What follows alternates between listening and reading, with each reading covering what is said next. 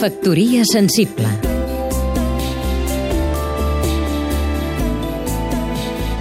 Oleguer Sarsenedes, periodista Doris Lessing, l'autora del Quadern Daurat i Premi Nobel de Literatura, va morir a Londres el 17 de novembre a l'edat de 94 anys, just tres setmanes després que ho fes el seu fill petit Peter, malalt de feia temps de qui va tenir cura els últims anys de la seva vida. Va néixer a l'Iran de pares britànics, però va créixer a Rhodèsia, l'actual Zimbàbue.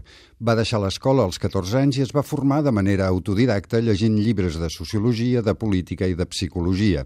També es va casar dues vegades i va tenir tres fills. Després del seu segon divorci, va decidir fer cap a la metròpoli i va viure a Londres els últims 50 anys de la seva vida.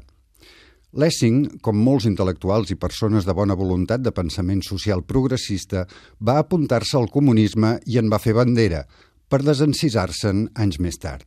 En el seu cas, quan va adonar-se que el marxisme ignorava totalment les qüestions espirituals.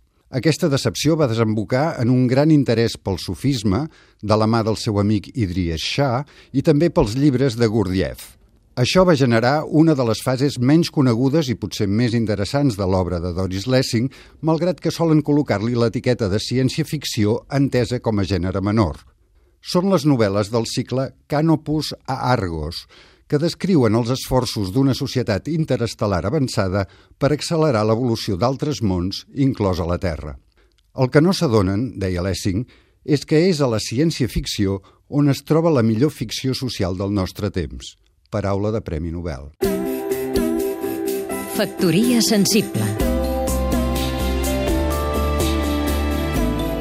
Seguim-nos també a catradio.cat